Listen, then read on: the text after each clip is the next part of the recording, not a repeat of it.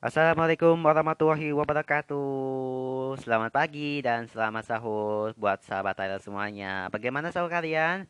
Alhamdulillah kita semua sahur kalian berkah, terus juga puasanya semangat dan menjalani segala seluruh aktivitas dan jangan lupa ibadah juga ya. Iya, senang sekali kita bisa hadir bertemu kembali di podcast berbagi cerita Tyler edisi Ramadan. Dan suasananya di pagi hari agak cukup sejuk. Mulai adanya hening karena ini Ramadan ya. Suasananya di tenang gitu. Tidak ada kebisingan, tapi kita harapkan, kita doakan semoga kita semua dalam keadaan kondisi yang sehat selalu dan selalu berikhtiar kepada Allah Subhanahu wa taala. Nah, episode kita kali ini kita akan bakalan ngomongin tentang sholat tarawih. Tapi kita bukan bahas tentang sholat tarawih, tapi juga akan kita membahas juga kegiatan selama sholat tarawih ini berlangsung. Nah jadi, tidak hanya beribadah so saja, sholat tarawih di Indonesia identik dengan berbagai tradisi unik. Tiap tradisi tarawih di Indonesia ya. Jadi tidak hanya berpuasa, salah satu ibadah yang identik dengan bulan Ramadan adalah sholat tarawih. Sholat tarawih adalah sholat sunnah khusus pada bulan Ramadan yang pengerjaannya itu dilakukan setelah sholat isya hingga sebelum memasuki waktu subuh. Dapat dilakukan 8 rakaat atau 20 rakaat. Nah, sholat tarawih ini kemudian dilanjutkan dengan 3 rakaat sholat witir dan doa untuk penutup. Tidak hanya dilakukan sebagai ibadah, Tarawih juga identik dengan berbagai macam tradisi unik yang berbeda di setiap daerah di Nusantara. Seperti apa sih tarawih dilaksanakan di daerahmu? Yuk lihat lebih dekat berbagai tradisi tarawih yang ada di Indonesia berikut. Yang pertama, tradisi tarawih di Indonesia. Tarawih dini hari di Yogyakarta. Ya. Jika biasanya sih tarawih itu dilakukan setelah menunaikan sholat isya, Berbeda dengan sholat tarawih di Masjid Kauman, Yogyakarta yang justru dilakukan pada saat dini hari, tepatnya pada pukul jam 2 dini hari. Nah, menunaikan sholat tarawih pada dini hari itu diyakini dapat memberikan suasana ibadah yang lebih khusyuk.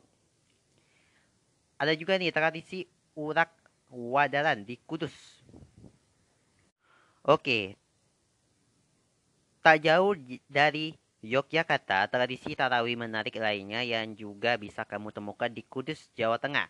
Nah, masyarakat Kudus ini memiliki tradisi yang dikenal dengan nama urat wadalan yang dilakukan setelah salat tarawih. Nah, urat wadal sendiri ini memiliki arti kayu sedekah di mana selepas salat tarawih itu panitia masjid akan membagikan berbagai jajanan pasar kepada para jemaah. Nah, tradisi tarawih di Indonesia satu ini sangat identik dengan kebersamaan di bulan Ramadan. Ketiga, syarat satu sholat tarawih satu juz. Nah, tradisi tarawih di Indonesia selanjutnya adalah tradisi membaca satu juz Al-Quran seusai melakukan sholat tarawih sehingga pada akhir bulan Ramadan jamaah menjadi katam Al-Quran. Nah, tradisi tarawih ini bisa kamu temukan di berbagai masjid di Indonesia, seperti Masjid Jami, Sungai Jingga di Bajamasi, dan juga Masjid Al-Fatah di Jambi. Tradisi sholat tarawih kilat di Blitar. Tradisi unik sholat tarawih selanjutnya yang bisa kamu temukan jika berkunjung ke pondok pesantren Mambaul Hikam di Desa Mantenang, Kecamatan Udara Udanau, Blitar, di mana sholat tarawih dilakukan secara kilat dalam waktu 10 menit saja. Tradisi tarawih yang dipercaya telah dilakukan sejak zaman dahulu ini dan berusia lebih dari satu abad. Latar belakang dari tradisi tarawih ini adalah agar masyarakat yang telah lelah bekerja seharian tidak meninggalkan sholat tarawih di bulan Ramadan. Ya, yang terakhir nih, tradisi tarawih 8 jam di Magetan. Jika sholat tarawih itu sebelumnya hanya berlangsung hanya 10 menit ya. Nah, tradisi tarawih selanjutnya ini justru dilaksanakan selama 8 jam lamanya loh. Dimulai dari Ba'da, usai isya, hingga waktu sahur. Salat tarawih di Masjid Darussalam Pompes Al-Fatah, Desa Temboro, Kecamatan Karas, ini juga menunaikan 23 rakaat. Nah, yang membedakannya adalah dari rakaat pertama hingga ke-20, imam akan membacakan 30 juz Al-Quran. Setiap rakaat imam akan membaca 1,1 sampai 1,5 juz dalam waktu sekitar 24 menit.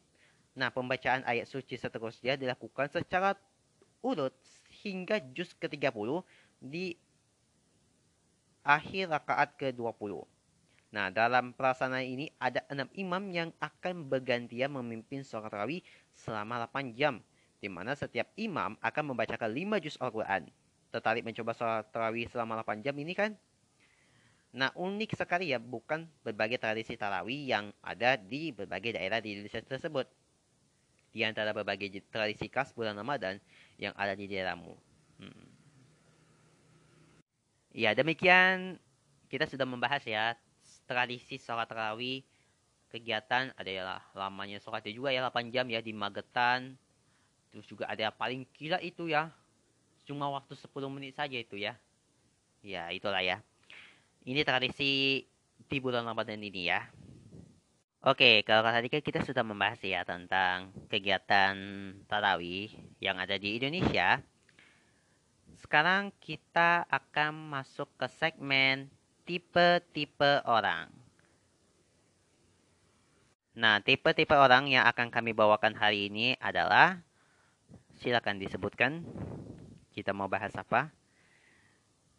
Nah, kali ini kita membahas tipe-tipe orang atau biasanya disebut dengan uh,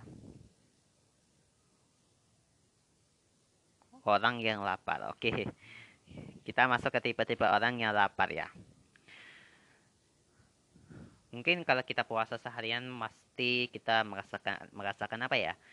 lapar, dahaga atau segala macam ya. Tapi kita harus tetap mengendalikan emosi, menenangkan hati dan pikiran juga supaya kita selalu berikhtiar dan juga selamat dunia akhirat.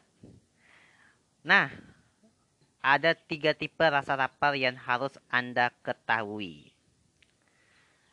Ini belum kita bahas ya sebelumnya ya. Oke.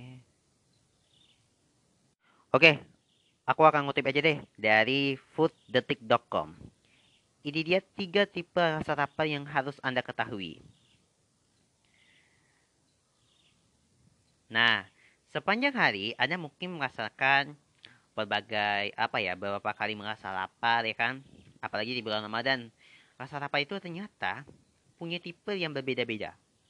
Untuk menjaga berat badan tetap stabil kenali rasa lapar Anda sebelum menikmati makanan hingga waktu berbuka.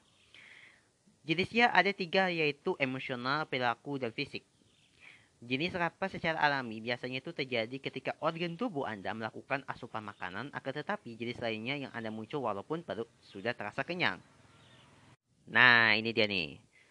Nah, seperti dilansir dari World Willis, ada tiga jenis rasa lapar yang terjadi pada setiap orang sebagai berikut. Yang pertama, lapar emosional.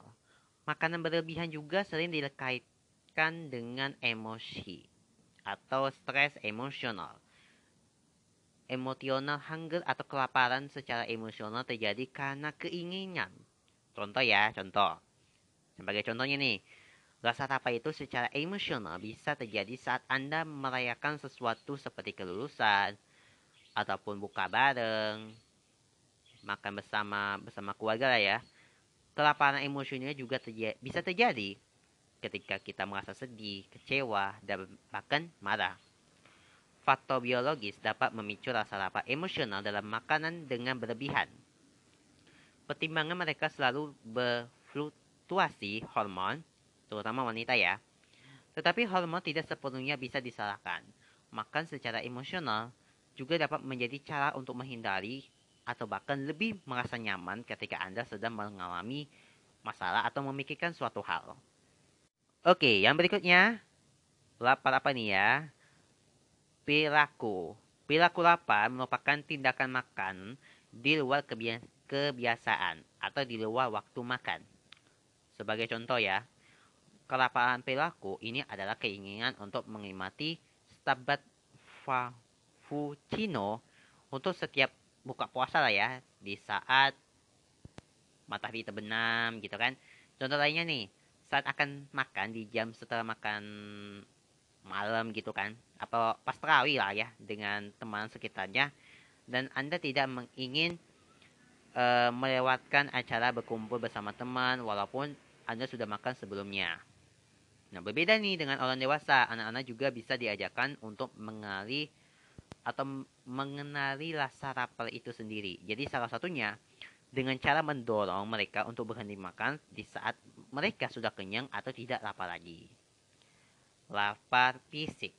Nih, kelaparan fisik ini juga merupakan respon ya pikiran tubuh saat perut kosong. Apalagi kan puasa kayak gini kan, gula darah rendah atau penurunan cadar lemak. Kelaparan fisik itu memerlukan kalori tambahan dari makanan untuk terus menjaga keseimbangan tubuh. Berdetak jantung, berpikir, berjalan, berbicara, dan juga menapas. Semuanya membutuhkan kalori. Nah, sehingga Anda diharuskan untuk mengisi energi dengan apalagi di waktu berbuka ya, makanan waktu buka yang manis-manis agar fungsi setiap organ tubuh berjalan dengan lancar. Nah itu tadi ada tiga tipe rasa lapar yang harus Anda ketahui. Semoga jangan sampai kayak gitu ya. Apalagi di bulan Ramadan ini kita harus banyak berikhtiar juga, tetap bersyukur makanan apa yang ada, oke? Okay? Sampai sini dulu ya perjumpaan kita di episode kali ini dan jangan lupa untuk follow akun Spotify, follow akun Instagram dan Twitter kami dan jangan lupa bunyikan lonceng dan juga kasih rating dan kami akan terus menemani kamu setiap hari selama bulan Ramadan di Spotify. Saya Mereka Sabuta dan temanku Tyler King. Selamat menjalankan ibadah puasa. Assalamualaikum warahmatullahi wabarakatuh. Gimana semuanya? Sehat-sehat semua ya? Selamat sahur, selamat menjalankan ibadah puasa. Kita tayang selama bulan Ramadan di Spotify di berbagi cerita Tyler edisi Ramadan. Nah, sema Oke. Kita akan mau membahas, tapi sebelumnya perkenalkan diri dulu. Saya Malika Saputra dan temanku Kyle King dan kita berdua akan sepakat kita akan membahas tentang iklan Ramadan yang paling dirindukan. Oke, iklan Ramadan. Jadi kita akan membahas selama 15 menit ini. Gak perlu panjang-panjang, gak perlu pendek-pendek ya.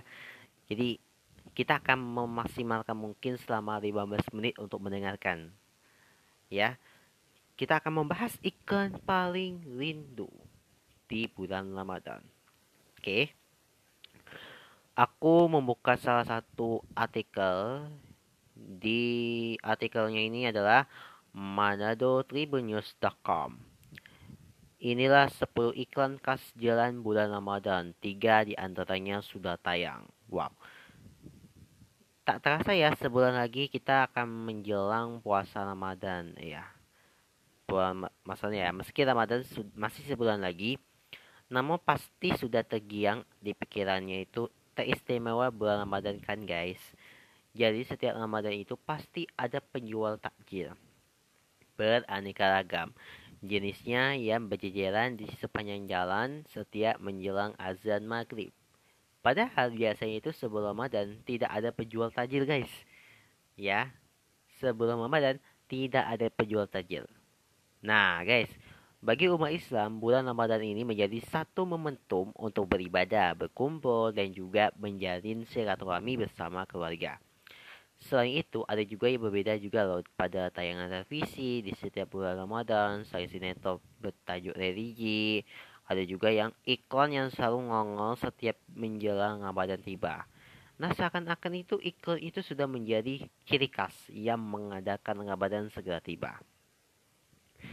Kami pun akan merangkum atau menghimpun beberapa iklan yang selalu muncul menjelang Ramadan tiba hingga berakhir. Kita mulai yang pertama. Yang pertama, iklan Obama. Hmm, Kenapa iklan obat mah? Nah, guys, sahabat Tyler, iklan alias obat mah lah gitu kan. Ini pasti nongol di TV menjelang bulan Ramadan hingga akhir. Nah, seperti kita ketahui, dalam menjalankan puasa harusnya itu tidak makan dan minum selama 14 jam. Terkadang membuat perutnya perih. Nah, menjelang Ramadan tiba, produsen omak Ma ini juga beramai-ramai mengiklankan produknya loh. Ada namanya saat sahur, saat berbuka, dan sebelum tidur ya. Kedua, iklan sirup. Nah, iklan satu ini sepertinya selalu ada dan tak pernah terketinggalan guys. Jadi iklan sirup ini seperti sudah menjadi iklan wajib yang disuguhkan setiap menjelang hingga akhir bulan Ramadan. Bahkan iklannya ini sudah tayang loh sekarang meski bulan Ramadan masih sebulan lagi guys. Iklan pencuci piring jeruk nipis. Ya, pencuci piring jeruk nipis sudah jadi juga sudah ngongol loh guys. Jadi meski iklan ini untuk mempromosikan sabun pencuci peralatan dapur, tapi iklannya itu cukup unik loh. Kenapa? Nah, kenapa ya? Nah, karena dan meski Ramadan masih sebulan, iklan ini sudah muncul awal April loh. Iklan keju guys, jadi berbeda dari iklan sebelumnya meski Ramadan masih sebulan lagi, iklan keju ini memperkirakan potret keluarga yang sedang berbuka puasa loh. Wah, jadi nggak sabar ya menunggu Ramadan dah tiba deh ya. Ketiga, ini ke berikutnya. Iklan ABC. Jadi iklan ABC ini tidak pernah absen muncul dari layar TV guys. Jadi biasanya itu iklan itu ini menggambarkan suasana buka puasa dan juga sahur. Ada sirup, ada apa ya kaleng, sarden gitu kan. Berikutnya, ikan Coca-Cola. Meski saat ini belum ada iklan Coca Coca-Cola ya, edisi Ramadan, tapi tenang pasti sedikit lagi iklan ini bakal muncul guys. Coca-Cola tidak pernah absen untuk iklan. Dan bahkan biasanya itu iklan ini sampai menjelang Idul Fitri hingga akhir loh. Iklan Molto, iklan pewangi pakaian Molto guys, jadi juga tidak pernah absen muncul di TV saat menjelang Ramadan hingga Idul Fitri. Iklan susu. Jadi bulan Ramadan ini biasanya itu merupakan bulan terbaik untuk melatih buah hati untuk menjalankan ibadah puasa. Nah, biasanya mereka yang baru yang baru pertama kalinya menjalankan ibadah puasa akan merasa lemas karena tidak makan dan minum selama 12 jam. Nah, untuk itu, produsen susu ini juga beramai-ramai mengiklankan produknya loh. Yang berikutnya iklan iklan serin. Itu iklan yang apa ya semacam bukan semacam gosok gigi tapi untuk obat kumur juga ya. Jadi tidak makan dan tidak minum saat puasa itu bisa menyebabkan bau mulut. Nah setiap menjelang puasa hingga berakhir pasti iklan satu ini selalu muncul yang berikutnya iklan mie. Jadi iklan mie ini juga selalu menghiasi layar kaca saat menjelang hingga akhir bulan Ramadan. Nah guys, melihat iklan-iklan yang pasti nongol saat menjelang hingga akhir bulan Ramadan, seakan tidak sabar lagi ya untuk menunggu bulan Ramadan. Nah, sahabat, sudahkah kalian mempersiapkan diri untuk menyambut bulan penuh amalan bulan Ramadan ini?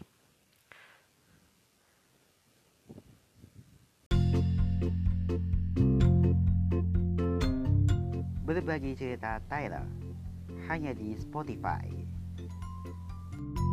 thank you